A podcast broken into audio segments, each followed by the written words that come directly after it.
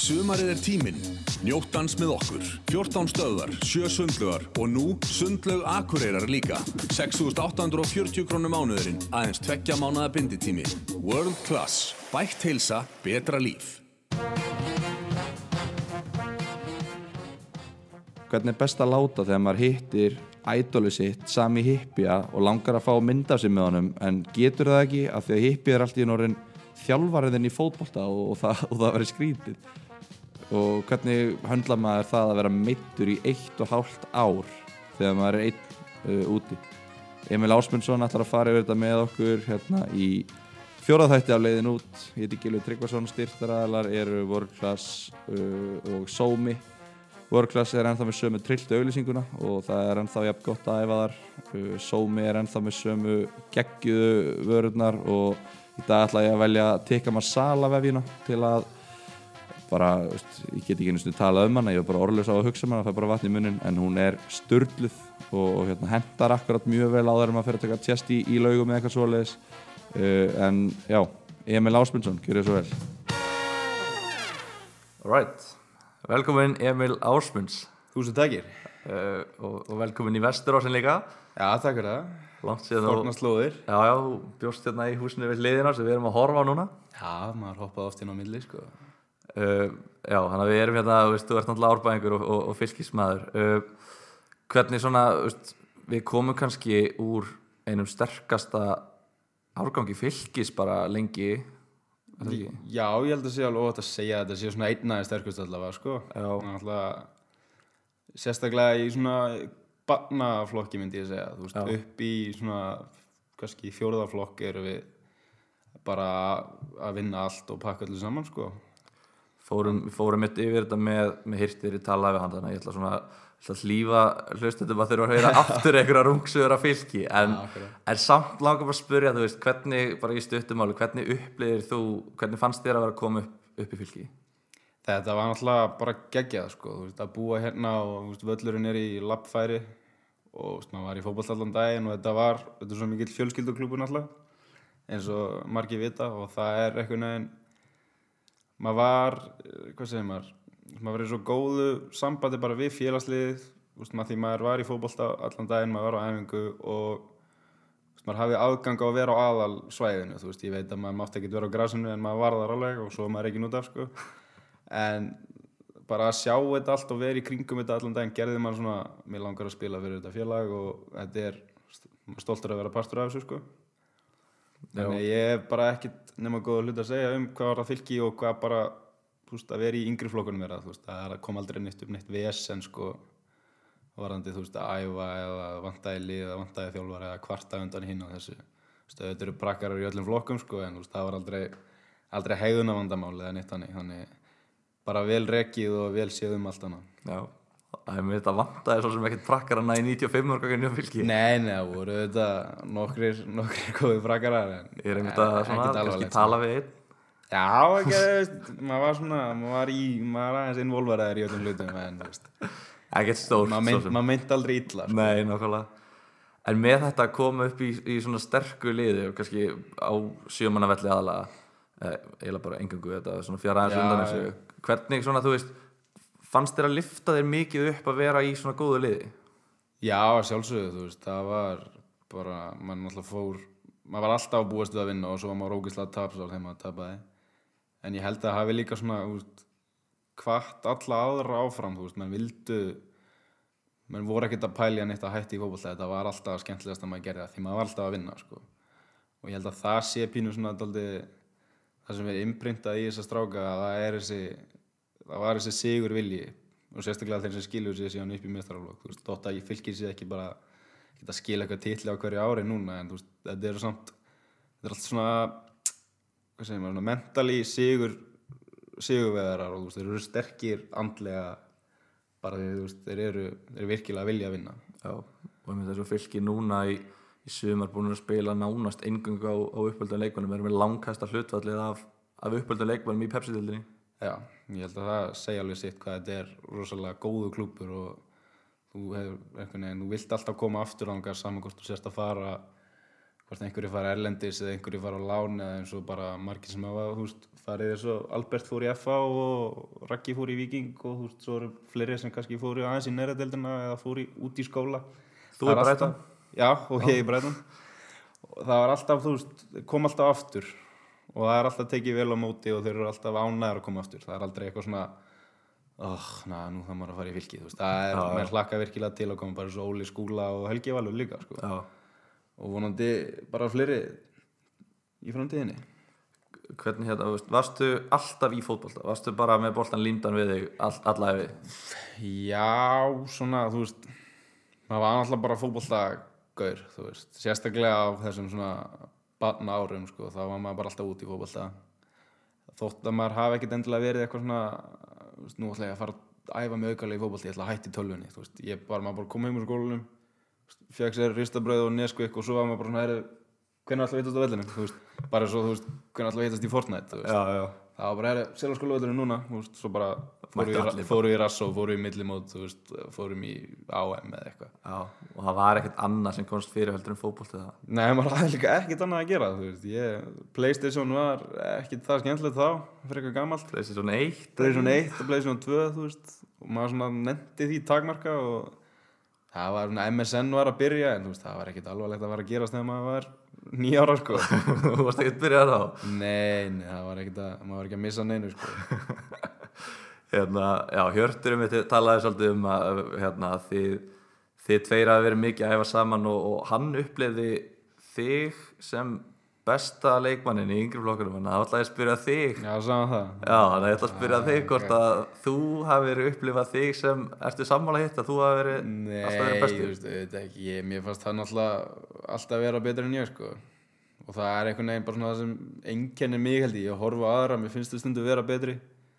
Og það er rauninni gefur mér kannski bara eina kraft að vilja gera meira og þú veist, sína mig meira, en þú veist, ég veit ekki hvernig það var, það var kannski, það var oft eins og í þessum sjömannabolta, þá var hann í vörn og ég á miðju, sko, og þá, ég man, ég skoraði meira en hann og þá náttúrulega í þeim, þeim flokkum þá kannski takaði meira eftir einhver sem er að skora mikið, en þú veist, persónulega, þú veist, eins og Guðni Rúnar var í yngri flokkunum og þú veist, mér varst hann alltaf ókislega góður líka, veist, það var bara fáralegt hvað hann var á vellinum og skaut, hann skoraði. Já, já, en ég held að svona ef þú komið upp í fjórðaflokk þá þá, sé, þá sáu kannski þeir sem voru eins og flesti þjálfarar Hjörtur var þroskaðar í leikmaður en ég var, veist og aðlagaðist kannski fyrr af hlutunum svona taktíslega séð. Mhm.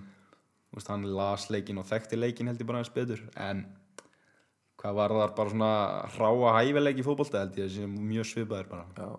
Þú er kannski svona aðeins viltari típa af leikmann svona, ef við kannski farið meira verður sammála að þú væri meira svona, þú veist, að fara á skapi og baráttu og svona, þú veist, hörkunni. Já, jú, jú, ég held á þess að það sé eitthvað til að gera lítið og Nei, tækni eða nei, eitthvað það bara- algjörlega ekki sko. Jú, ég held að hann alltaf var mjög yfirvegaður mjög snemma og svona fyrirlega típa af vissu leiti en þú veist, svo fannst mér líka þú veist, reyðinn og skapið í mér dreif mér alveg mjög mikið áfram og er alveg þú veist, oft er það búin að hrjá manni en oft er það líka, oftar held ég búið að koma manni á þú veist, lengri, lengra áfram sko.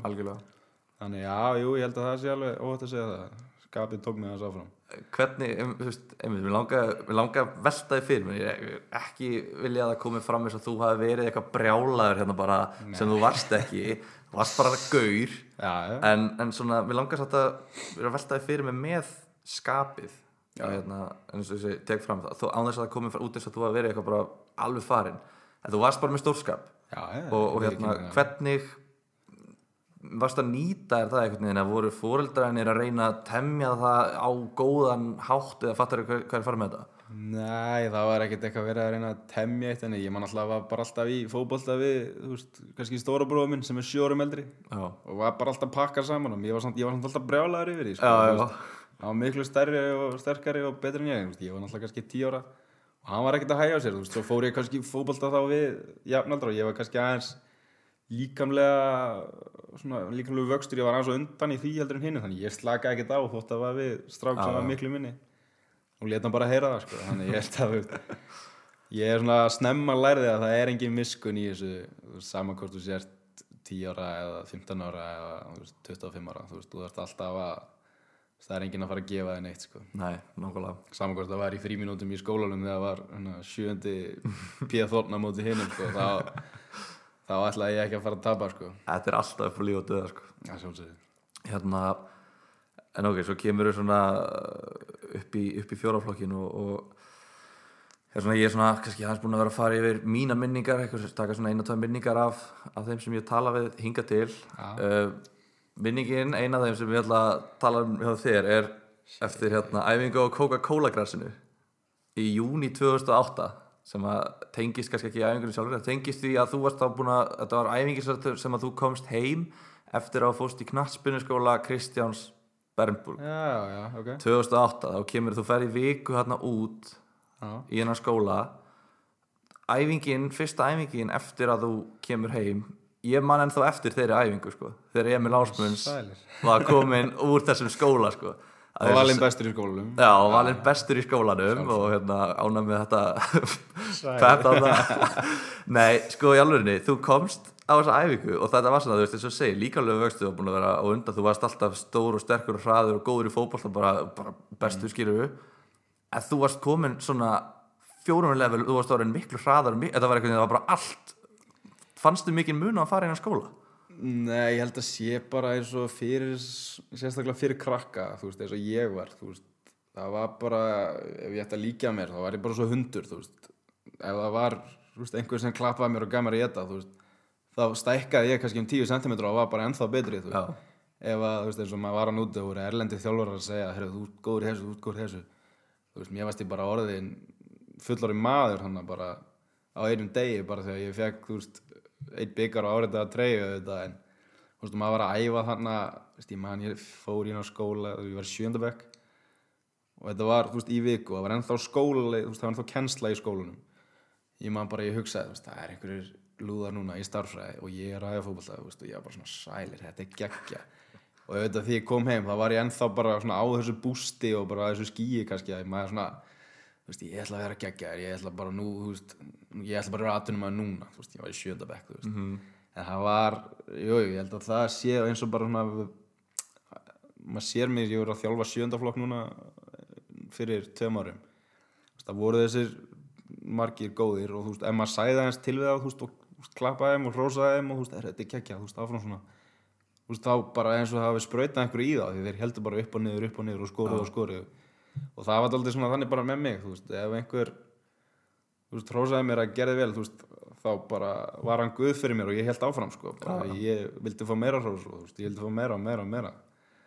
Þannig já, ég man ekki eftir þessar æfingu en ég vil hlítið að vera úkislega góður á hann örgulega Ándu, sko, við vorum í svona fimm ár strákandir að tala um þetta eftir á, sko, bara þessi æfinga þarna, hún var vengið, sko, ekki það að þú var síðan bara að fara að chilla á þannig æfingu, en bara svona þetta var ótrúlega skrítið mjög og ég bara, ég, ég bara nefndi eftir þessu.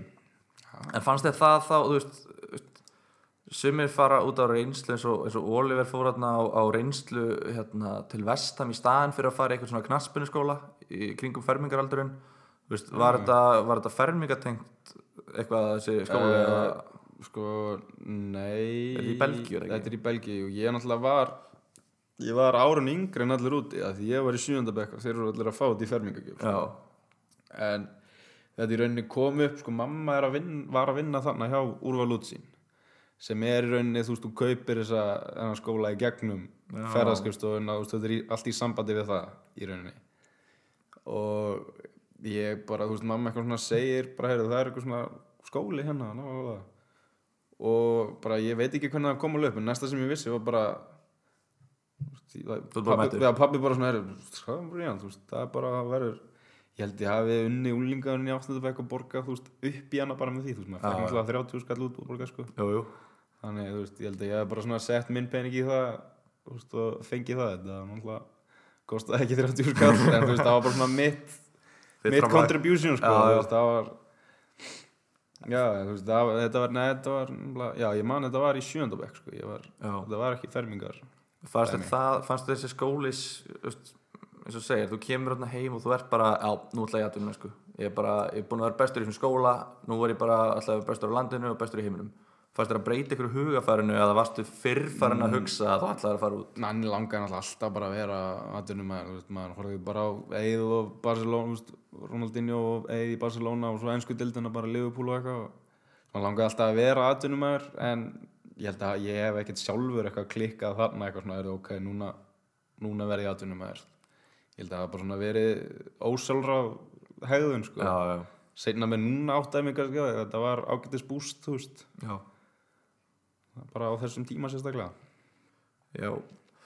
Um, hversu miklu máli finnst þér veist, hafa skipt til dæmis eins og svona fótbolt áhugi í kringum þig eins og bróðin, hann er, er sjórum eldri hann, hann var nú góður í fótbolta sjálfur. Virkilega góður, sko að hérna, veist, finnst þér það skipta meira máli heldur en eitthvað það er svona það sem ég hef verið að taka út úr þessum, viðtölum mínum er að mér finnst einhvern veginn flestir viðmælandin hafa haft eitthvað svona eldri mentor í fjölskyldunni sinni sem getur það er mér rosalega gott svona þessi fyrirmynd sko. það skiptur rosalega miklu máli bara fyrir einhvern sem ætlar að gera eitthvað er að bæði að hafa bara stuðning þú veist að því maður, ég veit ekki hvers oft maður kom heim og sagðist alltaf hætti fótbolta því þú veist, maður tapa á æfingu og þessi svo lélugur og þjálfarinn gæti ekki dæmt annað því að maður veist, og ég var alveg brjálæður en þú veist, svo var hann bara sagt að halda kjafti og halda áfram og maður gleymdi sér sko. En það var í rauninu svona, kannski, hvað var þar? Bara eins og að eiga stóra bróður og pappa og mömmu náttúrulega, þú veist, sem stiðja mann í gegnum allt. Og systur þetta og, en er bara svona hvað, þetta, þú deilir sama áhuga svið, það var alltaf hérna við gáðum alltaf að tala um fótbolta, við gáðum alltaf að fara í fótbolta við vorum í fótbolta inni að býja eftir matnum og þú veist, svona, svona tikk var tikk, þú veist, að tikkaði inn bara já, herrðu, þú veist, og svo veist, fór ég í hann og gerði eitthvað hann sagði, herrðu, nei, þú ætti ekki að fara í mig svona þú ætlar að ná boltanum, þú draði þá í mig hinga eða gerði þetta, þú ætlar að skíla boltanum svona þú veist, ertu að fá þetta eitthvað? Já, já, veist, þetta var aldrei faglegt eða þú veist, neitt ráðlegt eitthvað, það var bara svona, já, já, já, ok, þú veist. Það er kannski akkurat það sem að hefur gefið gott af því að þú, þjálfari er aldrei að fara að segja þetta svona. En þú kannski nei. lærir, þú manst þetta núna já, já, algjörlega, sko manst ekkert hvað þjálfari var að segja við mikið í sjötta flokki. Nei, og það er líka, veist, miklu minni hands-on þjálfun kannski í, á þess að vera að taka af þjálfurum, þú veist, bara í sjönda og sjötta flokk, en ég held, þú veist, ég menna, ég var að þjálfa þess að gutta, ég held að enginn aðeim eftir að þakka mér eitthvað, ef að þeir meika sko, því, veist, ég kannski, ég gerði raunin ekki neitt bara nema að hafa þetta, simpul og skemmtilegt og, þú veist, ef ég sá einhvern alveg út á þykju, þú veist, þá reyndi ég bara svona, þú veist, að, en ég hef ekkert, þú veist, ég gerði ekkert nóg, þú veist, ég hef, ef einhver hefði sagt um mig bara taktu þannig og reynda að gera hann á góðum fótboltamenni þú veist, það tekið mér nokkur ár bara að fá smá grunddækni algjörlega. Án þess að vera eitthvað mentað þjálfari en þú veist, ég kann alveg, þú veist, ég get kent þér að sparka í bolta ef þú kannt ekki neitt, sko. Já, já. en ég get, ekki- ég get ekki kent þér að klína honum í saman, þú Nei, veist. En það var bara svona, veist, maður læriði bróður minn sérstaklega hann er góður, hann var yfirbúra góður með veist, hann tók aukaspinnur og hótt í bara alveg upp í annan flokk, bæði með hægur og vinstri. Já, ok. Og eitthvað sem ég hef ekki geta gert í þann til Texas í dag. En það var svona, gaf mér alltaf já, heru, ég þarf að bæta þetta, veist, hann gaf þetta. Ef ég ætla að vera betur en hann, veist, sem ég veit ég verð bara þá verð ég að gera þetta, veist. Og ég verð að gera þetta, en ég verð að gera þetta. En þú veist, það var aldrei það var ekkert eitthvað svona, já, nú við að fara út og æfa aukaspinnur eða gera þetta, við fórum út í fótbolta og hann í rauninu stjórnaði ferðinni og ég bara, þú veist, át upp allt sem hann sagði, sko. Þegar þú ert að hugsa eins og þú segir, þú tala um að þú hugsir ég ætla að vera betri en bróður minn sem er 7 ára Já. Þú ert að huga fara að vera að hugsa ok, þessi betri en ég að vera alltaf að horfa upp fyrir sig já, já. finnst þér þú, þú veist, hvernig ert að horfa upp fyrir þig, þú að horfa upp á bróður þinn eða varstu að horfa, upp, horfa í kringum um jafnaldraðina eða Ég var aðalega bara svona það sem ég var, þú veist, ég man, eftir því að maður mætti nýra á gerðugræs, þú veist, það voru kannski einhverjir sem voru fættir 92 eða 93, þú veist, fjórum, þreim ára meldri við. Það er tveim, þreim ára meldri ég segi og þú þeir voru að spila og maður bara svona, maður voru með eitthvað. Svo ég bara, heyra, ok, ég er að pakka þessum gæðin saman, þá komst bara að því að þeir eru allir í, þú délið, þú gátt ekki neitt. Það var svona, ok, ég er ekki alveg að marka, svo var ég byrjaði bara að leika með jafnöldru sýstu minnar, þú veist, þeim voru fættið 90, þú veist, þeir voru góður í fótbolta. Og þeir svona, wow, þessi er klikkaðar, þessi er að sparki mig, eitthvað, þú mér langaði, þú veist, ég var bara, bara saman hvað á hvaða völl ég mætti, ég ætla bara að vera betri, þú veist, ég man, ég var með okkur old boys aðeins einhvern tímann af því ég neitaði að fara út af, sko, á sparkvellinum. Og ég var bara, þú veist, hoppandi í tæklingar átt ára á einhverja fertu eða fymtu að kalla, þú veist, þeim fannst það vera glóðþólandi, en mér fannst það geggja, sko. Já, og það var bara svona, þú veist, ég var ekkert eitthvað "Heyrðu, ég ætla að vera betur en þessi eftir tvö ára eða þetta. Mér langaði bara að vera bestur og bara hver allar að stoppa mig, þú veist, bara gjörðu svo vel. Já, já.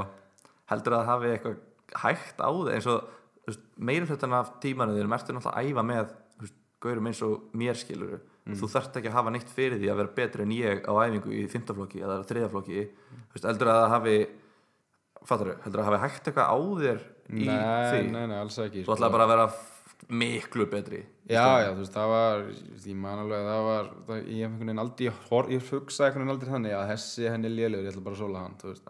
Af því að maður var ekki einbettur í það, þá gat maður klúra því, sko, þá, þannig ég bara svona, ég veit ekki alveg hvernig ég get svarað því, ég, þú veist, það hægði einhvern veginn ekki dámanni og, og það skipti ekki máli hvort ég var á æfingaldi með þriðja flokk og var í fjórða eða var í fjórða, þú veist, æfum mínum jafnöldur með upp fyrir mig. Ég nálgast þetta alltaf alveg og það hefur einhvern veginn svona alltaf verið sömu skilabóðin því ég tala við bróðum minna, pappa minn, þú veist, fyrir leiki bæði í dag og þegar ég var í fymta, þú veist, þá kom alltaf í lokin sömu skilabóð, spilaði bara þinn leik, já, þú veist, bara gerði þitt, cool head og bara, þú veist rest, hitt bara reddast líka.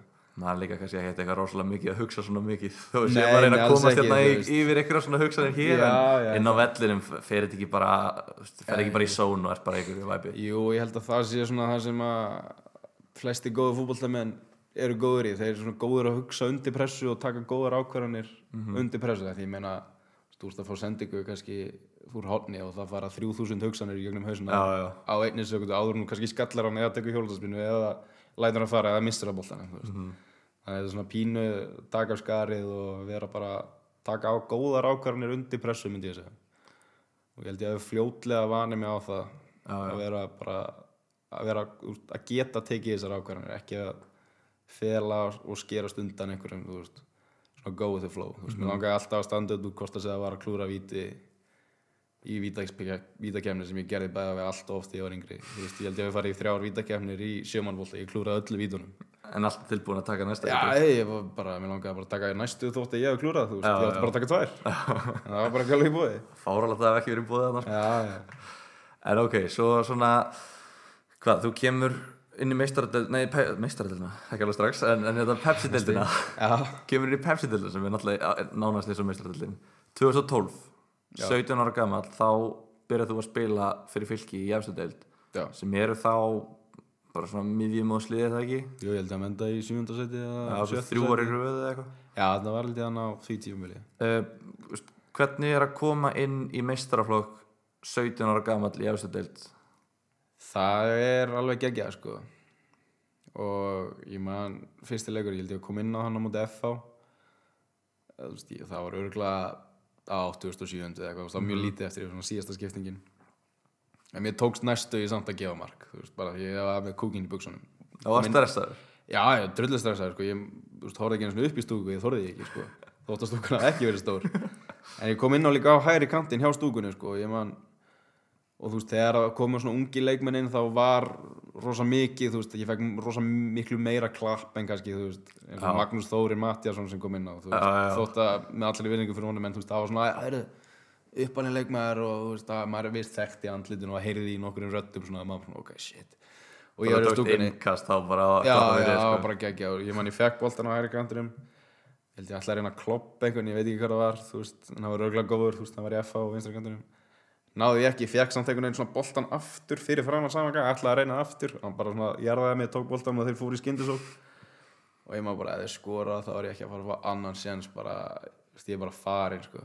en þeir skora ekki og með text einhvern veginn svona aðeins að redíma sjálfa mig að þeir eru svona að að tefja út í hotni og ég hleyp bara á miljón og svona strauði einhver gæja og svo bara flauta af það var ekkert gert í því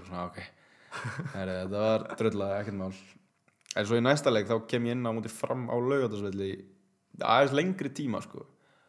Og ég held ég að verið í korter eða tíu minnurinn og ég hleyp eins og maðurfækur út um allt sko, tækla allt og alla þú veist. Þetta hljópa eitthvað svona 7 km á korter þetta var bara fárlega já, og ég næði einhvern veginn svona við erum að tapa 4-0 ég næði að vinna boltan og gefa hann upp í horn og hleypin í teig. Og gefa fyrirsending og ég bara er að fara að skora fyrsta markið mitt. En ég næði ekki boltanum og er inn í markti og ég svona slæja hann með hendinni og ég fæ guldspelt og ég maður bara svona, þú veist, já, svo er þetta búið svo kom ég út af. En þá sagði eitthvað um mig bara, herru allt annað að sjá þig, þú veist, allt þess að þetta, svona átt ekki að við gera þetta, þú veist, bara já, ok. þú veist, þetta er ánægð með þetta þú veist, bara sláðu bara boltan, þú veist, við erum að tafa 4-0 þú varst að fara að skora, þú varst bara allt í ellu ég bara, já, ok.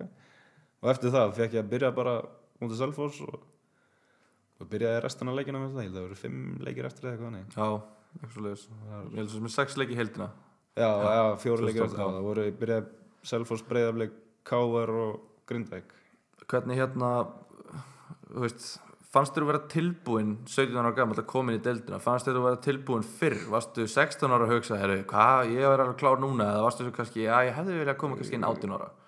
Nei, ég held sko, mér fannst ég að ég að fá sjensin miklu fyrir sko, þú veist, að komast inn á sko, en eftir að ég byrjaði þessa fjóra leiki og þá kom off-season, þá hugsaði ég bara, ég verð bara startir á næsta ári alla leiki. Út frá því hvernig þú varst á æfingum Eða er þetta bara eitthvað bara svona bæði nauðsynlegt? sko, þú veist, mér fannst ég vera mjög góður á æfingum og svo byrjaði ég líka fyrsta leik á undirbúinstímili, skepp með eitthvað Bose mót eða eitthvað og ég byrjaði þann leik bara og við vinnum þetta Bose mót og ég alveg, herri, ég er bara, ég er að fara að starta alla leikjum næsta tímili, þú veist, mér veist bara sjálfströstið var bara þar en þú veist svo náttúrulega næ ég ekki að spila næsta því ég, ég er farin þá en í haustum á mér var ég bara, já ég er bara bestur í þessari dild eða þú veist, Já, þú veist, já. bara ég á bara að vera í byrjunleginu Er einhver fótboltamaður sem að finnst hann ekki vera bestur? Já, ég segi það, þú veist. Það er örgulega ekki. Ekki margir. Ég, Nei, nei, örgulega ekki, sko. En ég var ekkert eitthvað bestur í heimi Þú veist, ég sagði það ekki. En ég mér fannst bara, er, ég, ég, ég á þessu stöðu núna. Já. Bara sorry, strákar. Og svo, hvað, svo ferðu Þú ferðu út í janúar 2013 Já, ég skrif undir í janúar, þú veist, bara ára einmitt Af því ég ámæli í janúar. Skrif undir á ammælistæðin hjá afa mínum einmitt. Í Brighton, í Englandi sem voru, voru þá í næstöfstu deild Já, þeir voru í Championship-dildinni Eru búin að vera það síðan eða ekki? Þeir eru náttúrulega í úrstældinni Er núna. úrvalsdeild núna. Já, þeir, já. þeir sem sagt voru að byrja Hvort það hefur verið Nei, það voru mjólin á öðru tímabilinu þeirra í Championship. En þeir voru svona í neðri hlut eða Nei, svona þeir voru nýlegar en þeir tóku sko fyrsta að lendi í tíndasæti og þarna voru þeir í playoff sæti sko og náðu Já, ok. því þetta ár og árið eftir. Þannig að þú ferð til góðs liðis í Championship Já, þú veist, þeir voru bara næst, þú veist, komnir upp næstu við töpum bara fyrir Krista Balla sem fóru upp. Ok. Þetta Af hverju, eh, hvað, hvað tækifæri voru í bóði? Var mikið að liðum að fara á eftir eða af hverju valdur Brighton? Sko, það voru ekkert rosalega mikið liðum á eftir manni þannig sko, eins og í rauninni bara eins og ég, maður fekk reynslu bara til bóð og þá er bara undir þér sjálfum komið að standa liðin er ekkert að eldast við því að fá þig á reynslu. Þau eru ekkert að senda einhvern útsendara hérna á fylkisvöll. Er það leikur henni í öðrum flokki B-deild, fylki káa tjekka á gæðinum hann á nummer 8 þú veist, það var, virkaði ekki þannig á þessum aldri.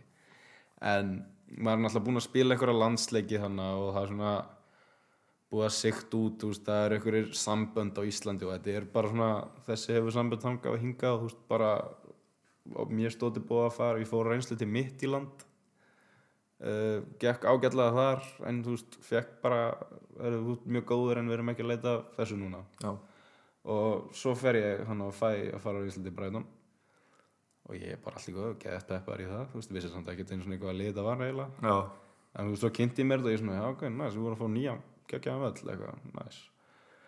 Og ég á bara að vera í viku, fer út og, þú veist, æfi í viku og spila einn æfingarleik og ég lendi mitt að fá æfingarleik um Master City. Ok. Og við bara, veist, fórum í rútu í einhverja, sjö tíma upp til Manchester, þetta er náttúrulega alveg Já, neðst í Englandi hann á Brighton. Og ég, þetta er náttúrulega bara, geðveitt fyrir mig, ég er bara mættur á æfingarsvæði og City og er bara að spila í ég veit ekkert hvaða leikmenn þetta voru þeir voru ógeðslega góðir og, en við vinnum 2-1 í afengleiknum og ég á bara mjög góðan leik.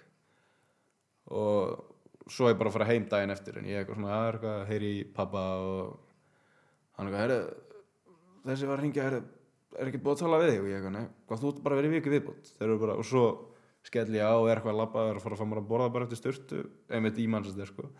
Þá kemur þjálfarinn og bara, herru, okkur líst mjög vel að þig bara, viljum fá þig bara í viku viðbútt bara, hvernig líst þið það? Ég eitthvað bara, ok, herru, það er vika í jólapróf hjá mér í MS, þú veist, ég er að drulla á mig þar og ég bara, herru, fuck it, ég fell bara í þessum prófum. Og tek bara viki viðbót og gengur bara glimrandi vel og keppur leiku Birmingham og vinnum hann 5-1 eða eitthvað. Og svo kem ég heim og nærinda prófunum, slefa af þessu leiti en svo milli jól og nýjárs þá svona í rauninni eða milli jólun þetta er í desember, þá svona fer ferli á stað þeir vilja semja og svo tekum við bara fullt af leiðilegu þú veist, eitthvað svona samningamálum og Er þú eitthvað inn í því að Nei, ég er ekkert eitthvað að heimta einhverjar uppæðir fyrir mig, þú veist, það eru bara einhverjar uppbyldisbætur og þetta og eitthvað svona standard dæmi, sko. byrjar ekki líka, þú veist, fyrsta leiði sem ferð út til ertu ekki, ekki ákveðum prumpu launum bara, er ég eitthvað miskilega sem ég er búin að heyra? Sko, það er þannig að sem er að fara eins og, hann átjánarleiðið eru svona sem kallast svona scholarship. Þá ertu í rauninni, þú veist, að- í skóla hjá liðinu, klárar eitthvað sem heitir B-Tech í Englandi. Og svo ertu bara að fá eitthvað svona þú veist, 400, þú veist, 500 pund á mánu sem er bara, veist, það var þá held ég 100 áskall eða eitthvað. Og því pundi var náttúrulega 200 og það var, þú veist, þetta er eitthvað svona, þetta er mjög lítið þar. En svo, af því að ég var náttúrulega nýjóra 18 ára, þá get ég fengið sér það sem kallast professional samningur já, sem er fyrsti professional samningur sem í dag, veist, það er ekkit rosalega mikið en þú veist, fyrir að úr engu í það já, er það alveg mjög gott og ég menna þetta eru bara svona fínustu pepsi-dildalaun Já. fyrir að vera 18 ára Já. og ég eru ekki þú veist ok þannig, jú, þetta var bara þú, veist, Þú ert þá ekkert mikið inn í þessu ferli. Ertu það með Nei. umbóðsmann hann bara sem er Já, að ég rauninni, ég fæ umbásmannu leiða ég skrif undir. Já. bara, Þannig þú bara hallaði Já, það var í rauninni bara sá að því það var einmitt Óli Garðars sem var með þetta herðið, það er lið sem vant að leita miður manni veist, og ég benti bara á þig að ég er byllandi trúðar já, já. það var ég bara ok, herru, þú ert minn maður klára þetta bara, þú veist, ef þið hafa áhuga þá, þá klára þú þetta. Og það var bara þannig. Og þú fer út í janúar? Já, og hérna varst að þú veist hve- hvernig var að komast þér inn í þetta allt, þetta er náttúrulega England þetta er þetta ætti að vera svona frekar líkar menningar, ert ekki að til Kína. En nei, nei þetta hvernig var að koma svona inn í allt dæmið? Þetta var þetta var náttúrulega ströggl bara til að byrja með sko. veist, það er, ég veit að veist, ég var ábrás góður í önsku sem nefandi, en það er allt annað að komast inn í svona sem er bara svona daglegt tal og slanguryrði og hreimurinn þú veist, tekur sinn tóll hann er, það er ekkert voðalega auðvelt að skilja hann.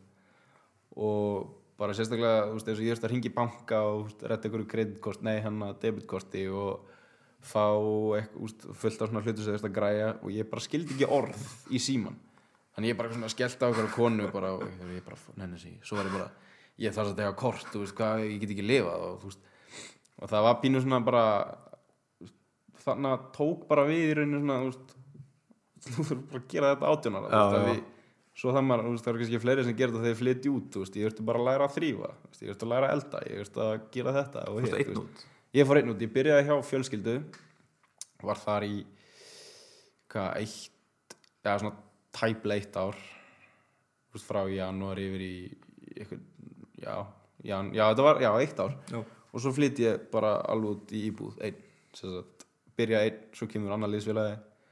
Hann er alltaf, þú veist, þeir bjúa það stutt frá en þeir vilja alltaf megi ekki búa heimi á sér. Já, verða að vera á vegum klúpsins ég veit ekki hvort það var eitthvað tryggingar eða eitthvað kjæft þetta var bara svona regla. En hann er mjög oft bara, þú veist, hann var eiginlega ekkert í íbúinu, Já, hann var bara skil. heimi á sér en, þú veist, svona, þannig ég var í rauninni bara einn með íbúð út af fyrir mig, þú veist, 19 ára og svo hætti hann og fór eitthvað annað en ég var einn, svo kom annar inn og hann var þú veist, alveg eins svona út og inn og svo fór hann, þannig ég svona er einn hann og það kom einhverju tveir alltaf að fara en, já, já, en þú veist, ég var að elda veist, ég var að hendi ykkur að bótrétti þannig bara 19 ára og setja í vél og ryksu að, veist, sem ég myndi aldrei þetta í huga að ég hefði verið að gera sko. nei, nei, nei. Þannig ég kann flest, búin að kynna mér flest heimilisverkana fyrir tvítugt bara og mjög gott, mjög þægilegt að lifa með mér mjög gott örgla hvernig er að, þú veist, hvernig var með æfingarnar og svona, er þetta, þú veist er þetta bara ein æfing á dag eða tvær æfingar á dag og svo ertu bara heima mikið eða voruð mikið, veist, er þið mikið liðsfélagarnir að chilla í, í hérna, aðstöðinni eða eitthvað svona?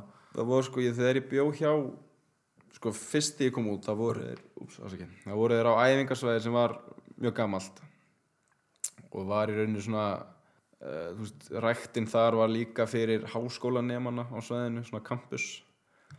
Og þetta var bara svona mjög old school England, bara svo voru út og það var bara svona fullt af græsvöllum svo góðstu inn bara í fangaklefa búningsklefa sko. Já, já, og sturtunar eitthvað svona inn í einhverju herbyggi og, og þannig þú ert voða lítið að chilla þar eitthvað eftir æfingu sko.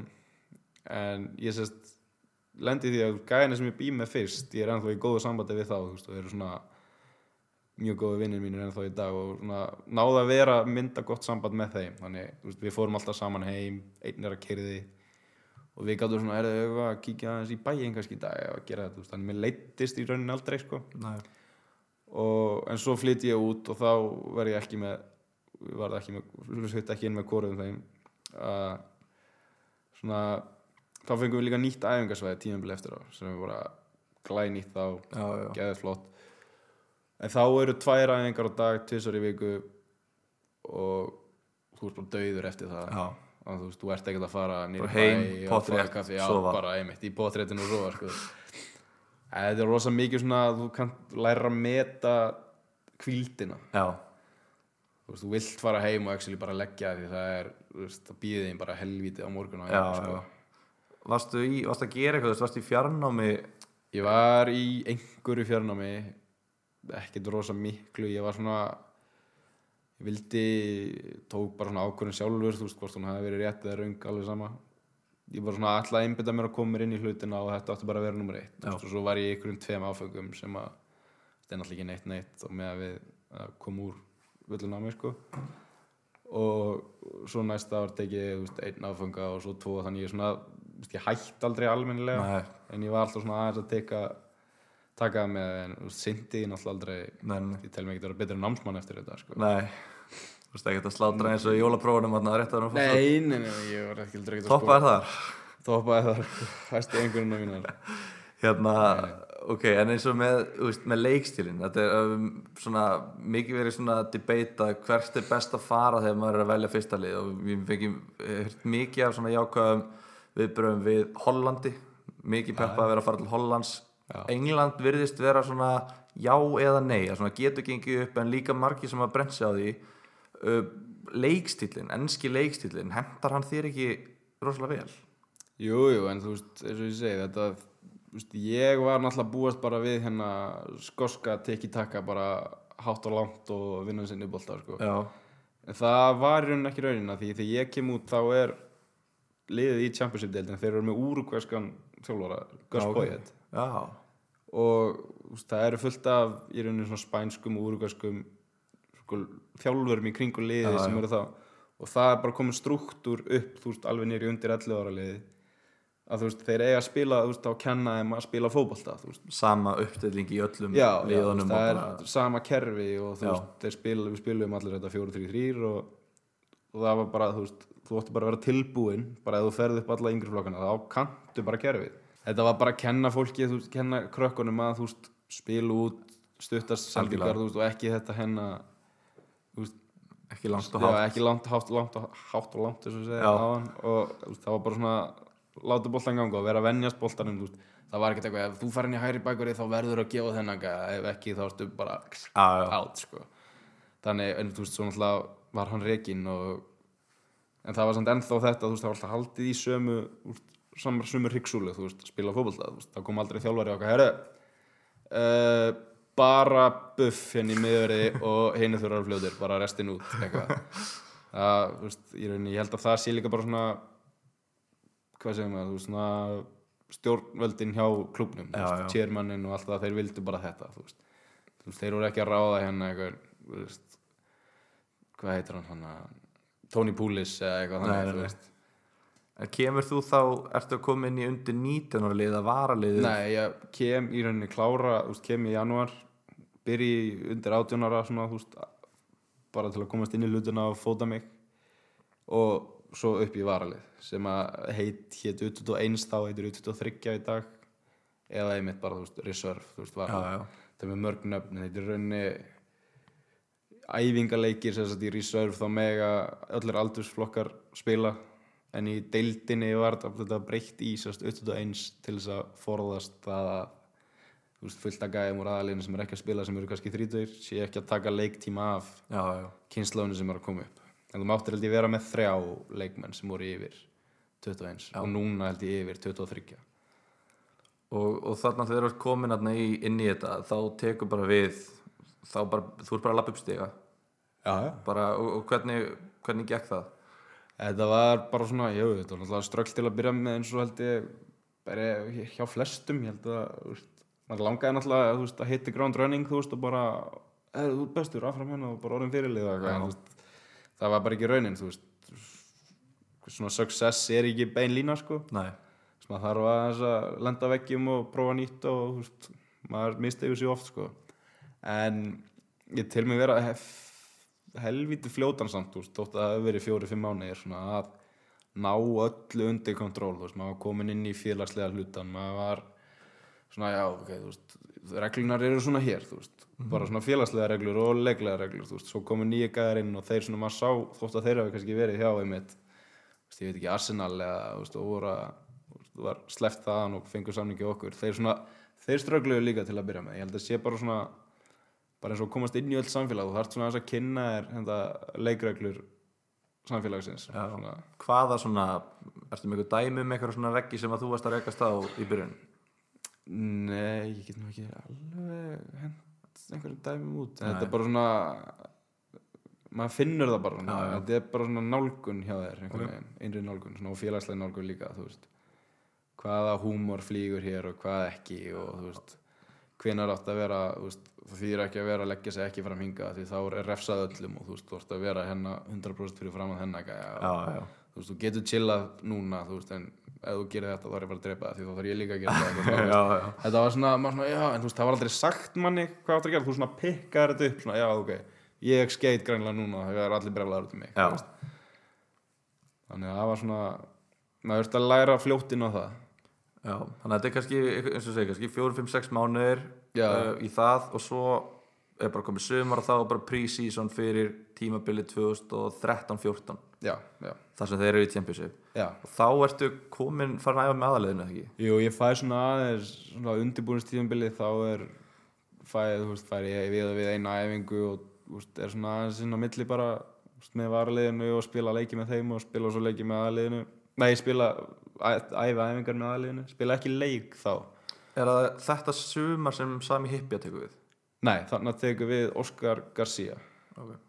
það, hann kom inn og var þjálf áður hjá Maccabi Tel Aviv spilaði fyrir Barcelona og sínuferli veit ekki hvað voru margir leikirinn í mann hann var með á æfingum Já, og þótt hann hafi verið orðin alltaf þungur og mikið þá var hann, gæðin voru ekkert farin sko. hann Já, var ok. ógíslega góður, og spilaði bara svona sem batti og bara hendi alls konar sendingar, það var fárlegt sko. það var gaman að fylgjast með svona, já ok, þessi spilaði á Barcelona já, já. hann ekki, svona, næs en já, hann sess að tekur við þannig um sumarið og það bara er sami árakur, ég held við endum í fjórða sæti eða eitthvað, fymta sæti og fáum aftur sérst playoffs já. og töpum því reyndar og ég man þetta var heldur fyndið sko við erum í varaleginu, þú veist, búin að vera allt sísónin alltaf að æfa. Og svo kemur playoffs, þú veist, og ég bara mér langar heim í sumafrí, þú veist, ég bara 2013 vorið eða? nei, 2014 voru, voru, þú veist, ég bara er í akkur þurfti að komast í playoffs, þú veist, þið er ekkert að fara að komast upp. Og mér langar ekki að komast upp að því þá er engin sem verið mig að fara að spila þú veist. Já, já, Hverju drullu ykkur ekki ágræð því þá sérst, kom, herru, þeir komast í playoffs þið þurfa að æfa í tvær vikur í viðbót veist, til að vera Til að halda þeim við, já, bara í rauninni bara, herru, þið þurfa að, ef eitthvað gerist þá þurfa þið að vera on call. Og ég var brjálar ég bara, nei, mér langaði heim veist, ég var að fara í sumabústa ég var að fara að þetta veist, er veist, já. Bara djölu, ég man, við vorum allir alveg trilltir, sko, og svo bara svona töpu held ég fyrir redding í playoff-leiknum. Og það var allir yes. Allir ungu nú gæjarnir förum sem við heim, sko, nú pantaði við flugið It's coming home. Ja, þetta var já, en og svo segir hann af sér Eftir það eftir, tímabil. eftir það tímbil sem svona kom mörgum á óvart og, Já, og ég er bara þú veist, er í, í sumafrí og þú veist, það er bara svona, er svona alltaf að fylgjast með hvort þau komið nýr og nýr þjálfari og þú veist, það er svona grúp chat líka hjá okkur þú veist, engi eitthvað að koma aftur hinga og veist, vera að fylgja þessu prógrami og eitthvað og ég man, er í frí á Ítalíu þegar bara ég les að Sami Hippi tekið við, þú veist, fyrir mig er Sami Hippi náttúrulega bara kongurinn, fyrir grjótari liðbúlstöðu sem það er og ég átti Hippi að treyju og hann var náttúrulega bara ljósari varnamæður sem ég var líka þegar ég var lítill veist, miklu, miklu minni sko. og ég bara holy shit, þetta eru geggja bara gæti ekki eftir að byrja sko. og það var alveg svona komum moment, þú veist, þegar maður þurfti bara veist, að ég var ekki gæti ekki fengið mynd með það með mig Nei, það var þjálfari. Það er En mjög ég var svona, sko. þú veist, fuck, þú veist, hvernig ég en svo bara, þetta er mjög næs gæi. Það gekk, gekk ekkit nógu vel reyndar undir stjórn hans. Þeir voru bara næstu komur í fallsæti þannig í Championship dildinni Já, ok. og hann er rekin um jólin þú veist, hann spila, þjálfa liði bara hálft tímabil.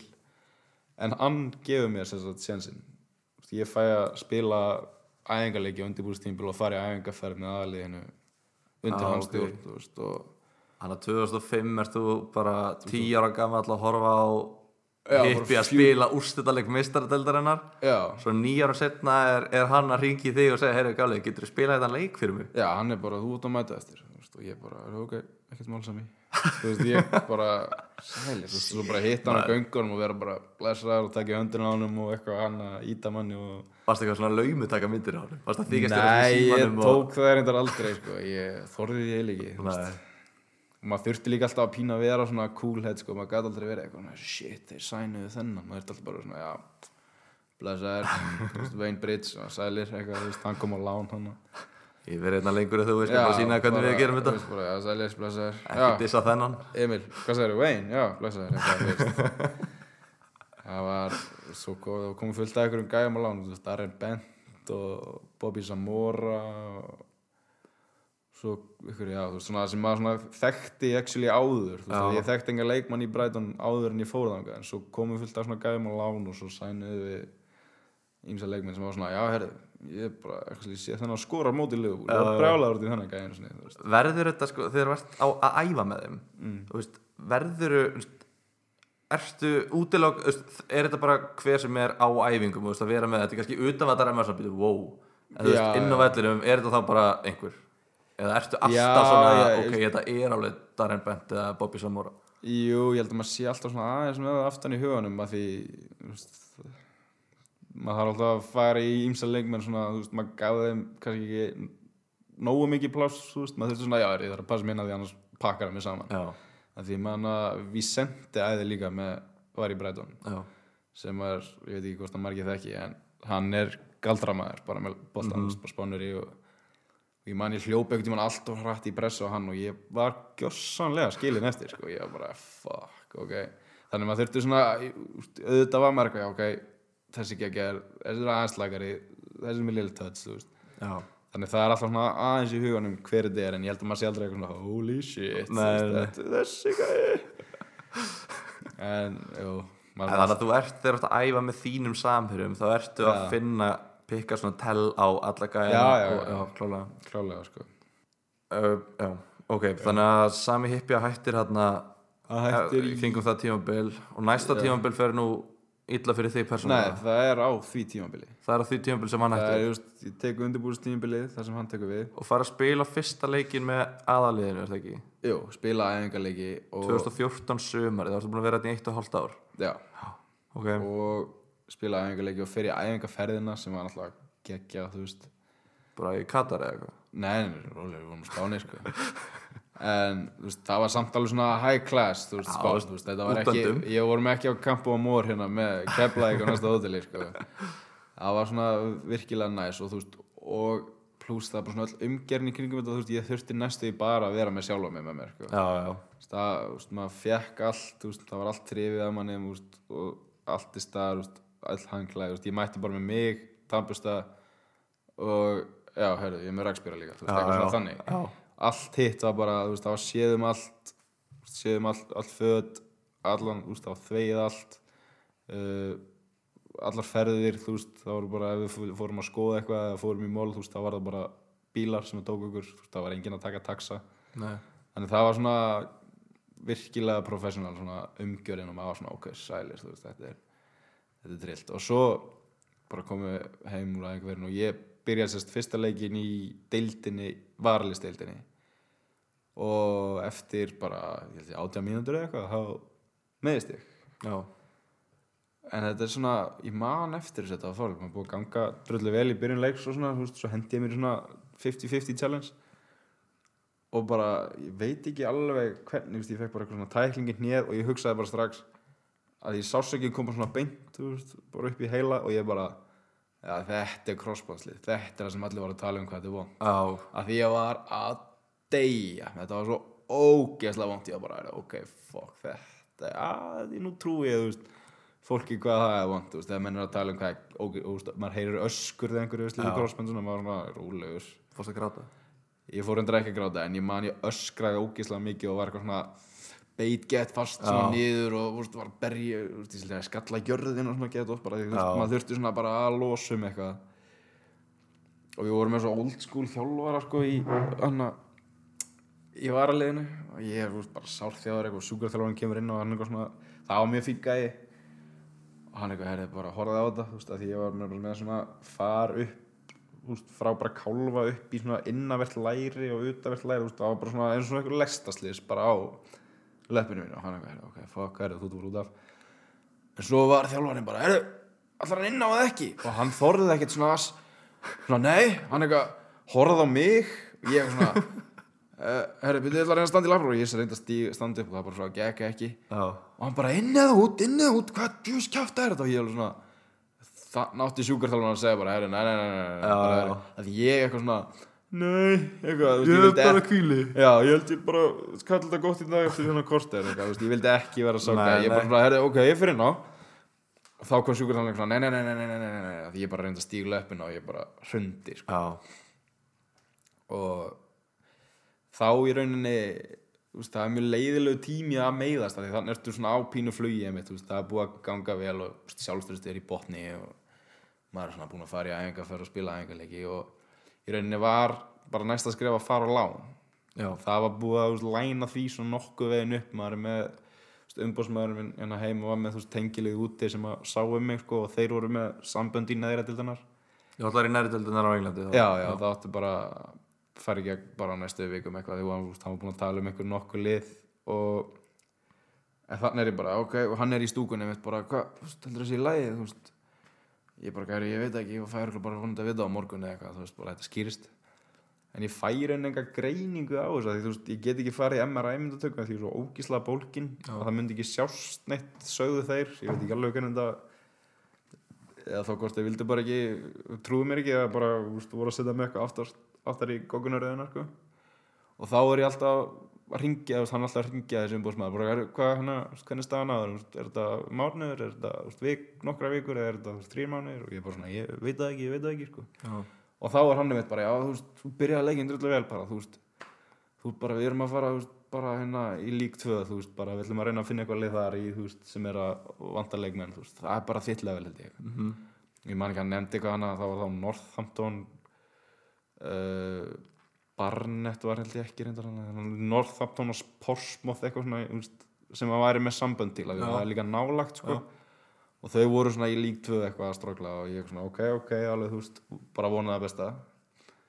Svo fer ég loksins í myndatöku og þá var ég búinn að slíta eitthvað hérna sem heitir lateral retinaculum og veist, lærvöðun er allir rifin og ég er bara eins og fílamaðurinn á leppinni. Já, ok. En það var bara að vera ykkur 6 mánuðir, bara fara með jólum cirka.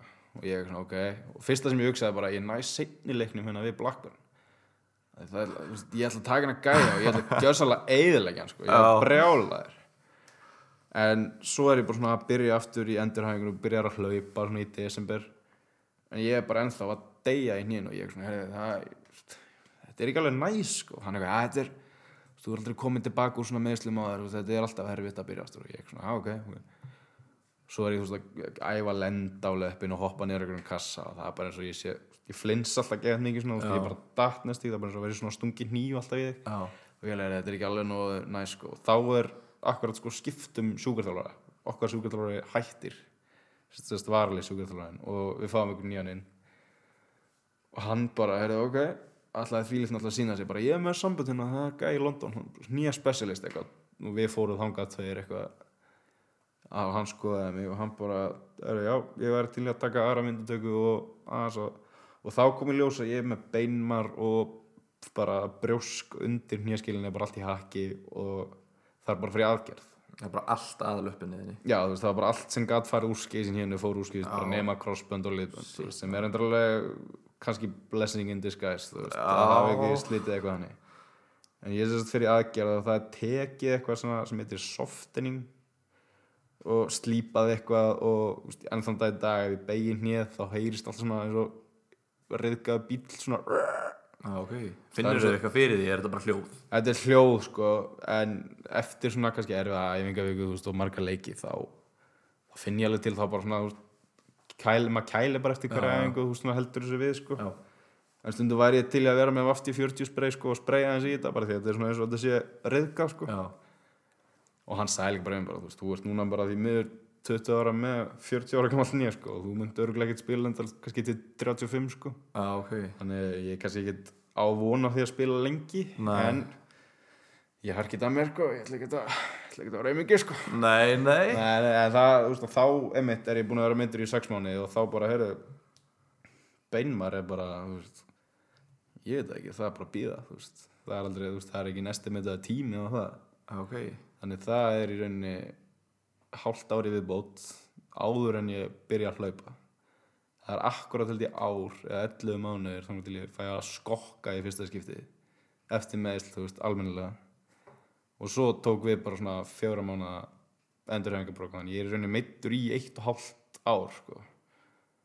og um leið og ég næja að æfa tvisar í viku með Bræton varaliðinu þá er ég bara losaður undan samningi Já, ok Þannig ég náði einhvern veginn, veist, ég var út í eitt hálft ár og meittur í eitt hálft ár, var hann í þrjú ár. En á meðan ég meittur fæ ég sex mánuða framlengingu á samningnum til þess að ná mér. Og það er í rauninni eins og þeir sögðu bara, þú ertu búin að ná þér, bara við ætlum ekki að þú veist. Það er basically framlengdu svo þeir gætu í rauninu Já. borgað fattaru trítmenti Já, áfram já, eða þú veist, þeir eru rauninni, þú ef leikmaður er meittur þá má ekki losa undan samningu. Já, já Og þeir bara, ok, já, meitið meðist aftur, þá þurfum við að semja hann aftur. Þeir bara, Já. herrðu, nú, nú er bara búið. Man og ég var alveg bara ok en ég má ekki fara með þetta aðeins á morgun þegar bara, nei, að því ég man ég mætti stundum á aðeins og bara, herru, ég er tilbúinn og það var svona, herru, næ, voru í gymmin í dag, eitthvað og svo bara svona allt í einu dag en þá búin að vera í viku eitthvað svona, þú okkur er ég ekki búin að æfa í viku Þú já, æfa tvisar í viku svo bara, herru, hann að þú heim, eitthvað, þetta er búið. Já, ok. En þér er velkomið að koma að æfa hérna með undir átjunarliðinu, þú veist. Þannig takk. Ég var svona, já, nei, fuck ég ykkur, þú veist. Já, ok. Þannig við svona, þetta var ákveðið disrespect en ég skil svo sem alveg þeirra punkt líka að vilja ekki Já, taka þennan séns með eitthvað sem þið sjá hvað skenga framtíð með lengur. næ, ég skil. Sko, Þannig, já. Ok, sko, þú lést þetta einu hálfa ári meðslum hljóma eins og þetta hefur verið svona tvær, tvær vikur Já, þetta var náttúrulega alls ekki tvær ykkur. Ég, Þetta er eitt og hálft ár, sko Þetta er ógislega langu tími Þetta er frekar land, sko. Þetta var náttúrulega bara ömulegu tími. Já, Það vill enginn vera, og, og að þurfa líka að mæta á, það eru margir sem eru kannski meitri eitt og allt ára og þeir geta gert eitthvað annað. Ég veist að mæta á hverjum einsta degi á æfingu til þess að fara bara að kæla, til þess að vera inn í einhverju sjúkraherbyggi, veist, að deyjulegindum, að fá einhverja nutt og fá þetta og tjekka hitt, en þú veist, þetta er svo að mæta, þú veist, þú veist, að mæta bara á æfingu, sjá alla aðra að fara út á æfingu, já, á geggjöðu svæði, þú veist, geggjaði vellir, nei, þú ert að vera hérna já. kæla og taka arbeður og gera ekki neitt, þú veist, Ímaður þú mátti ekkert hjóla eða hlaupa og mátti ekki brenna veist, mann alltaf bætti bara á sig, Já, og skiljanlega. Þetta var bara, veist, svo það komu maður var alltaf að næstu því að gefast upp, sko, þú veist, svo En það langaði ekki bara að byggja um að fá að fara heim og fara bara í verkfræði hái eða eitthvað? Það er rauninni, kom aldrei upp, veist, ég mátti ekki einu svona, ég veist, að vera það ná sumrin, ég fekk yttra sumafrí en hinn er að því þú veist að vera í endurhæfingu, ég mátti ekki, þeir eru eitthvað svona, já, heru, taktu tvær ykkur heima, taktu auka frí. Það var aldrei þannig, sko, ég fekk svona nokkra, ég fekk auka dag við að við í landslispásum, sko, að því ég þurfti ekki þannig að geta að koma tilbaka skil. samdægurs, en í sumafrín ég fekk bara tíu daga meðan hinn fengu, veist, sex vikur kannski, já, ok. Og ég var bara, Var þetta, þú veist, var þetta eitthvað veist, þurftir að vera þarna? Gast ekki fara bara í heitt kalt í laugardalslauginni og í rauninni, það var bara þeirra í rauninni prinsipal að vilja monitor þetta og þú veist, gefa mér nýtt prógram. Ég hefði núna ef ég hugsa tilbaka veist, það er ekkert mál fyrir mig að koma heim fara niður í laugar gera eitthvað drasl í rættinni, fara í heitt og kalt og veist, erum bara, þú veist, að því við lifum alveg 2000, þetta var 2014 við vorum alveg með Já, samskipti, ég hefði alveg getað Já, sendt honum. SMS og skypað hann og facetimeað hann eða whatever, sko. Já, en þannig ég bara mætti á hverju minnsta degi bara á hægjónum og tók mér þess að lestin á stundum sko, á hægjónum, það var alveg Já, svona ok. okay. nokkri dagar hvað varst það lengi á hægjum? ég var, sko fyrst þegar þetta gerðist þá var ég á hægjum í einhverja þrjár, fjóra vikur. Svo náttúrulega fer ég í aðgerðina. Þá má ég ekki setja neitt þunga í átta vikur. Þannig ég er sko hoppandi á hægjónum alveg í átta vikur. Þú veist, má ekki svona lappa eða vera með eina það bara alveg að taka alla þyngd sko, mátti ekki stíga neitt í aðræðleipuna og það er, já, einmitt átta vikur og þetta var já, þetta var algjört helvíti. Já. bara verða að segja eins og er. Þú veist, hvað, hvað var svona helst sem kom þér bara lifandi út úr þessu skýr Þú veist, hvað, hvað var, er það bara þú veist, þú, meina, þú, þú ert einn úti, er það ekki? Jú, Kom einhver til þín eða Jú, varst maður fekk náttúrulega sóknir og maður lakaði bara til næstu þú veist, ég var bara náttúrulega það heppin að mamma er að vinna hjá ferðarskristu og hún fekk svona frí með í gegnum Æslandir og, Já, og pappi kom bara út eins og oft og hann gat líka en þú veist, það var náttúrulega ekkert eitthvað í hverju viku þú veist, það var kannski einu sinni í mánuði sem maður fekk heimsókn en það var náttúrulega bara geggjað fyrir mig. Já, varstu, þú veist, fórstu bara að dreifa huganum að gera eitthvað annað skýr Varstu, veist, fórstu að Ég rækta bonsatri og reyndi bara allt, veist, ég var að byrja að teikna, ég var að byrja að gera þetta en svo var þetta líka svo mikið bara orkan fór í það að verða betri. Já, ég var bara að undirbúa one hell of a comeback þú náðir að stilla þig inn á það þá. Já, veist, ég fekk, veist, það var íþróttasálfræðingur á svæðinu sem ég talaði reglulega við og veist, svo náttúrulega talaði bara með mömmu sem að leysir öll vandamálstundu fyrir mann þegar maður talaði við hana og, og pappi og sýsti mín og bróða mín og allir. Og svo er líka það endur að sýsti mín fór í skiptinám til Brighton. Já, ok. Þegar ég var meittur í sérst, þrjá mánu, og náði að, vera með henni dálítið mikið dagstælega þannig. Já, glemdi því reyndar. Það hjálpaði mjög mikið. Bara veist að geta farið heim eftir æfingu og beint veist heim þú veist Já, innan já. gæsalappa þú veist að það var verið tölu íslenska og hún var með lítið barn og mannin sinn með sér sko. Já, þannig að það var svona já það var virkilega næs en það var náttúrulega ekkert svakalega langur tími sem að þau voru. Nei, nei. En já, svo klárar það þarna kemst yfir þessi meðsli já, já, klárar þau loksins næst, næstu því og hérna Brighton leysir undan samningi og, og veist, ég get ekkert ímyndað mér að það hefur verið eitthvað þúsundir liða sem að voru að drífa sig að ná í eins og hálsás Nei, ég gat farið á okkur reynslu sko e- beint eftir þetta sko. Hefðir þú með hnjeði þarna geta skilur það var einmitt, þú veist, ég sagði bara ég ætla ekki að fara þannig upp þarf að impressa, veist, en vera eitthvað herru, svo þarf ég bara að fá frí á morgun sko, ég get ekki dæft þá, veist, ég ætla veist, þá hefði náttúrulega bara hleyja já, já, þannig ég í rauninni bara, veist, ok ætla að sjá hvernig ég verð eftir viku. Þú veist, bara var að vonast eftir að ég myndi bara læknast að. Já, eftir já. viku, svo væri bara gef mér vikið viðbútt, svo væri bara, nei, það er, nei, nei. Þannig að var aldrei neitt að ég nema bara koma heim. nei. þannig ég kem heim bara og já, fer í fylki. Það tala einhver nokkur lið svona að hafa sambandin, þetta er ekkert húrrandi áhugi Nei, við og erum samt að tala um að ég var sko að refressa fótbolltöfunum í stresskasti við slúðupökkunum að þú var að fara í breyðabliki eða FH eða eitthvað sko þannig að við þurfum aðeins að taka Nei. það þegar þú kemur heim, varstu ég, sko, ég kem heim og ég man það ringdi, þú veist, eitthvað gæja.net í mig og sagði eitthvað, já, erst þú ekki að koma heim, þú veist, ég eitthvað, jú, bara og ertu eitthvað búin að ákveða, þú veist, þá bara til að búa til fréttin eitthvað, hann er hættur, þú veist, hann er að koma heim eitthvað Hann eitthvað, nú fara kannski eitthvað lið að ringi og ég er svona, já, glemdu því þú veist, ég er bara svo skelli á.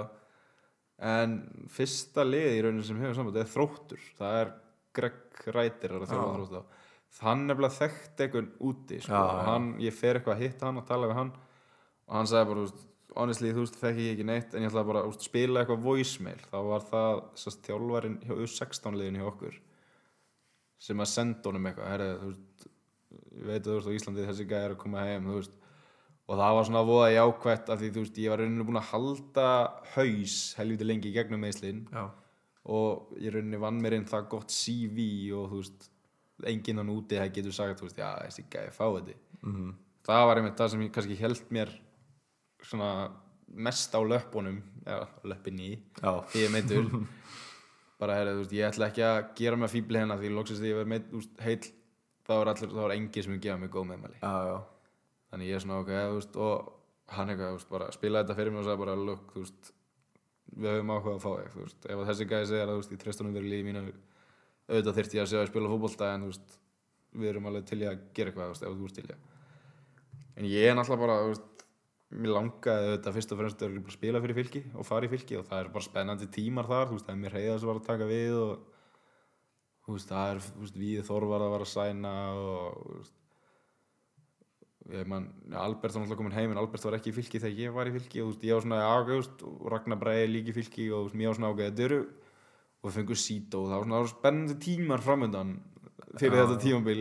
Þetta er í byrjun 2016 já, sem að var síðan ekkert eitthvað gegja tímabil, sko. Það er bara umur, þetta er fjalluð Já, já, fyrir tímabili voru væntingarnar ógeðslega mikla og Algjörlega. gekk rosa vel og ég alveg svona, veist, ég vil vera partur af þessu en þú veist, svo ringdi Aron Bjarnar við minni mig, veist, hann var hjá IPVF þá og eitthvað svona, gamlega, hvað ætlar að gera? Veist, eitthvað, þú veist, bara svona njósna og ég er svona, já, er veist, bara er örgulega að fara sæna fyrir fylki og svo fæ ég eitthvað gæjar hjá er eitthvað svona pæla hvort að ég vilji koma að prófa veist, en aldrei svona, herru, kottu, við viljum fá þig já, já, og í rauninni, þú veist, fer ég bara á æfingar hjá fylki og þeir náttúrulega bara búið að ég sé að sæna veist, þeir eru aldrei eitthvað að drífa sig að Nei, nei, nei. sæna ég, veist, ég náttúrulega bara vildi sæna fyrir það og þú veist, bara fylki sjartaði það stórt að algjörlega það þurfti ekkert að hafa fyrir því að veist, Nei. sæna mig í rauninni það þurfti ekkert að vera á eftir, ekkert að vera mikið á eftir mér þannig þannig og svo gerist það og ég sæna bara og gengur ágætlega undirbúr tímbili en ég náttúrulega bara kom úr meðslum og svona tekið til til, þú veist, ég fæ kannski að sleppa æfinga á morgun ef ég er slæmur og en já, og svo byrjaði tímabilið þannig 2016 og svona persónulega gekk bara ekki vel þú veist, með við mína væntingar þú veist, og hvað vildi, ég vildi ég er einu uppskera persónulega upp á mínu leik var bara alls ekki gott fannst mér veist, og ég man líka alltaf eftir ég var að þjálfa með hérna strákur sem myndi Kristóður og hann var ekki lengi eftir tímabilið þá kom svona frá vísi. Meðalengurinn, svona hverju voru lélegastir hverju læsta meðalengurinn með við eitthvað- öllum í deildinni? Öllum í deildinni sko, og spi, þú veist, þú veist að spila samt eitthvað svona x marga leiki, þetta var ekki eitthvað svona gæði sem kom inn og einu leik og drullaði sig. Mhm. og ég var held ég ég var ekki lélegastur en ég var veist, næst besti lélegasti leikmjöðurinn í deildinni þetta sem var með að við eitthvað gúla bara eitthvað pappakassi sem var að skrifa þú veist, já, Vísi. já, og ég svona, já, já, veist, ég veit alveg ég drullaði mig en veist, þetta var svona pínu reality check, svona ég þarf að rífa mig bara í gang veist, en ég var auðvitað að reyna það en að koma upp úr þessu svona erfið meðslum er náttúrulega bara allt annað en að segja. Já, ég ætlaði með að spurja með þetta tímabil, þú veist, þetta er, þú veist, þú ert ekki búin að spila fótbolt í eitt og hálft ár. Ég meina, ok, þú náðir ö- öllu undir, þú varst komin í ágætis stand þegar tímabili byrjaði, eða hvað? já, já, ég, ég, í rauninni þá teki ég ákvörðin, þá fer ég mitt í fjarnám þú veist, hérna heima. Já, og ég í rauninni sett um bara það markmið, ég ætla bara að æfa eins og með þér já, bara fram á veist, þannig ég vaknaði bara á morgnan og ég fór bara æfingar, þú veist annarkvort fór í rektina eða fór á fylgisvöllin, þú veist. Og tók bara alltaf tvær æfingar á dag með það að, þú ætlaðir að fara beint út eða ætlaðir að redíma bara þig að vera bara bara heima eða... bestur þú veist, ég ætlaði bara ég var alveg, ég, var ekkert með það er kannski ennþá í dag, ég er ekkert með neitt svona endalegt markmið kannski eftir eitt tímabil eða eftir tvö ár, þrjú ár. Þú veist, ég ætla bara að vera góður og ef ég er góður þá fæ ég kannski tækifæri á að gera eitthvað spennandi. Já, og tækifærin komandi þeirra sem að leggja þú veist, vinna nógu mikið fyrir því. Og ég, bara, ég ætla að leggja þá vinnu í að ég verði geggjaður gera það í dag þannig að þú fá velin á morgun. Já, bara algjörlega. Og það bara kannski skilaði sér ekki alveg nógu vel en það er líka bara ég stjórnaði einhver voljúmi á þessum æfingum. Kannski þú veist ekkert sniðut fyrir gæði sem má, mátti æfa tvisar í viku fór beint í æfa tvisar á dag þú veist. Já, já, á einhverju gerfugrassi þú veist sem var reyndar ekkert svakalega gott og svo inn í eigilsöllinni og svo á einhverju parketti þú veist. Já, faglega hefði örgulega ekkert ráðlagt í en veist, ég fann ekki neitt til þannig séð. Þannig að þú veist, það stoppaði mig ekkert þú veist. Þú veist, að því að ég veit sko, bara ég er náttúrulega bara búin að æfa með sinni við vorum bara fjórar eða fimmar eða eitthvað. Ég veit að þú ert þannig leikmaður og hefur alltaf verið þannig leikmaður að þú bara, þú hendið bara í allt. Þú ert, þú veist, þú hugsar ekki neitt þú veist, um að bara, ef það er laus bolti og það er gaur að koma þér er alveg sama þó að þetta sé bara jarðið þetta sem er að mæta. Þú ert bara að fara að henda þér í þetta og bara fórnaði fyrir þetta eftir meðslin breyttist það eitthvað fannst þér að verða veist, passi, passívari út af því að veist, hefur þetta áhrif á veist, hausinn sem þú nær ekki að stjórna bara eitthvað, oh shit man, ég ætla ekki að Nei, á því." það kom reyndar aldrei, fannst mér sko. það var svona kannski aðeins fyrstu tvær vikunar þú veist, þegar maður var svona að prófa að æfa en svo í rauninni týndi maður því og Þetta er bara eitthvað Það- hausina já, sem já, að þú kemur ekkert úr hausnum þér. Þetta er bara alltaf sterkar en allt annað að þú ætla bara að þú fer já, já, þú veist, ég hef alltaf bara einhvern veginn gleymi aldrei að spila mín leik en það var kannski aðalega eftir meðslinn svona muscle memory þú já, veist. bara ég vissi svona, þú veist, ég kannski, ok, ég fæ boltan ég ætla að gera þetta, svo fekk ég boltan og ég bara kúkaði mig, þú veist, ég bara svona, okkur gerist þetta ekki? Það, þú veist, maður var bara ekki komin í leikaæfingu og veist, að venjast í að spila leiki á þessu tempo aftur og þú veist, það tók bara sinn tíma og þú veist, eins og ég segi, þú veist, ef ég skeiti mitt í tvoleiki þá var ég líka bara settur á bekkin, þú veist, ég fekk ekki að spila mig í gegnum mistökin og þú veist, sem að kannski, þú veist hefði verið geggja að vera með fullt af æfingarleikjum í, þú veist já, já. en þannig er náttúrulega bara deild og bl úst, blóð undir þú veist, og við bara skýtum í okkur og við þetta gekk illa þannig að þá var hann ekkert að nota gæja sem drulla í sig Nei, og var þetta kannski ekki svona fyrsta svona framistuðulega mótlæti sem þú lendir í á ferðlinum? Þannig séð. Meðslinn eru náttúrulega bara sér kapli, en þú ert upp að vera svona uppið, ferð í breytun og bara fítn uppgangur jú, og jú, em, jú, mótlæti kannski hartjárun að tekið. já, þú veist, ég ætla bara ef ég var lélugur þá átti ég bara heim á bekknum Já, þannig að það er kannski ekki mótlæti fyrir sig sko, þú veist, þótt að mér finnst oft það er svona lægð kannski. Já, þetta var í rauninni kannski fyrsta það sem ég er kannski að bregðast sko, er, sjálfu mér svona, þú veist, ég er ekki að performa á þeim standard sem ég finnst ég vera að performa Já, já. og ég er meðvitaður um það. Já, já, sem ég hef oft komið út á að vera bara djöðlar í góður svo segir pabbi bara, eða yng bróður minn bara "Heyrðu, þú, hefur oft séð þig betri sko. Og ég er alveg svona, jó hvað er það að tala um, ég er geggja þér eitthvað, þú bara, nei, þú veist, ég hef oft séð þig betri. Og ég er svona, ok.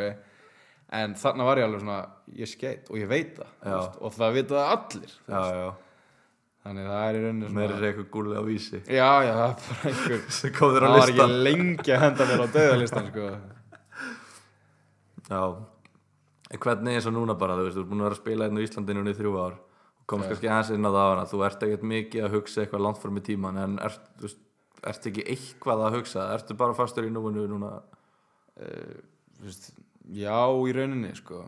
Við erum náttúrulega að spila er náttúrulega mitt sísón hjá okkur núna og við erum kannski ekkert í þeim málum sem við vildum vera, við erum rétt fyrir ofan fallseti en við, það eru við, okkur, við teljum okkur vera á þeim stað að við getum unni úr þessu og veist, haldið okkar sæti dildinni og það er í rauninni svona fyrsta markmið að standa mig bara vel í æfingu og næsta leik og næsta leik og næsta leik. Mhm. Þú veist, ef það er eitthvað hægt að uppskera úr því fínt, ef ekki, þá er það líka fínt ég er í rauninni ekkert eitthvað þú veist, ég nenni ekki að setja mig upp þú veist, eitthvað markmið, þú veist, og svo næði því ekki og ég er alltaf mikið að einbytta á loka markmið og Já, ég er að já. gleyma því sem er að gerast veist. Mhm. þannig ég er, ég er mjög mikið svona dag fyrir dag manneskja sko, ég veit ekki hvað ég ætla að mér að geta eftir sko. Ég er, ég alveg sama sko. langar þig það mikið út aftur að þú væri tilbúin að gera allt sem þú getur til að komast út eða, alveg, alveg klálega, sko, alveg klálega þú veist. En ég vil ekki fara út ef mér finnst það ekki ég, ég, mér finnst ég ekki eiga það skilið. Nei, nei, nei. Ég vil ekki fara hérna því að þessi þjálfari fílaði mig einu sinni og er tilbúin að gefa mér einhver blindarsess ég vil fá þú veist ok, ég er virkilega vann fyrir þessu og ég á þetta skilið og þá er þetta ennþá sætara af því fyrst þegar þú fórst út þá ertu búin að vera náttúrulega að vinna í því síðan þú var sex ára skýru, ég var að tala Já, við hérna bara eins og segja, við náttúrulega byggum hlið við hlið skýru, við erum að horfa á húsið þetta akkurat núna Já, og allir í fjölskyld, öll fjölskylda minn man eftir því að það var alltaf kveikt ljós þetta í bílskutum já, og það var alltaf þú varst alltaf einn að leika við bolta við sáum bara skoppandi bolta og Emil eitthvað. Pappi var alltaf bara eitthvað já, já, Gilvi, nú hann Emil farin út í fótbolta vil þú ekki leika líka? Að þú ætlar að vera aðturum ég þarf að klára FIFA-leikin eða eitthvað hvað það það var. kom yfir að dæma hjá mér sko. Já, þú verður góður í því með flaggið og blöytuna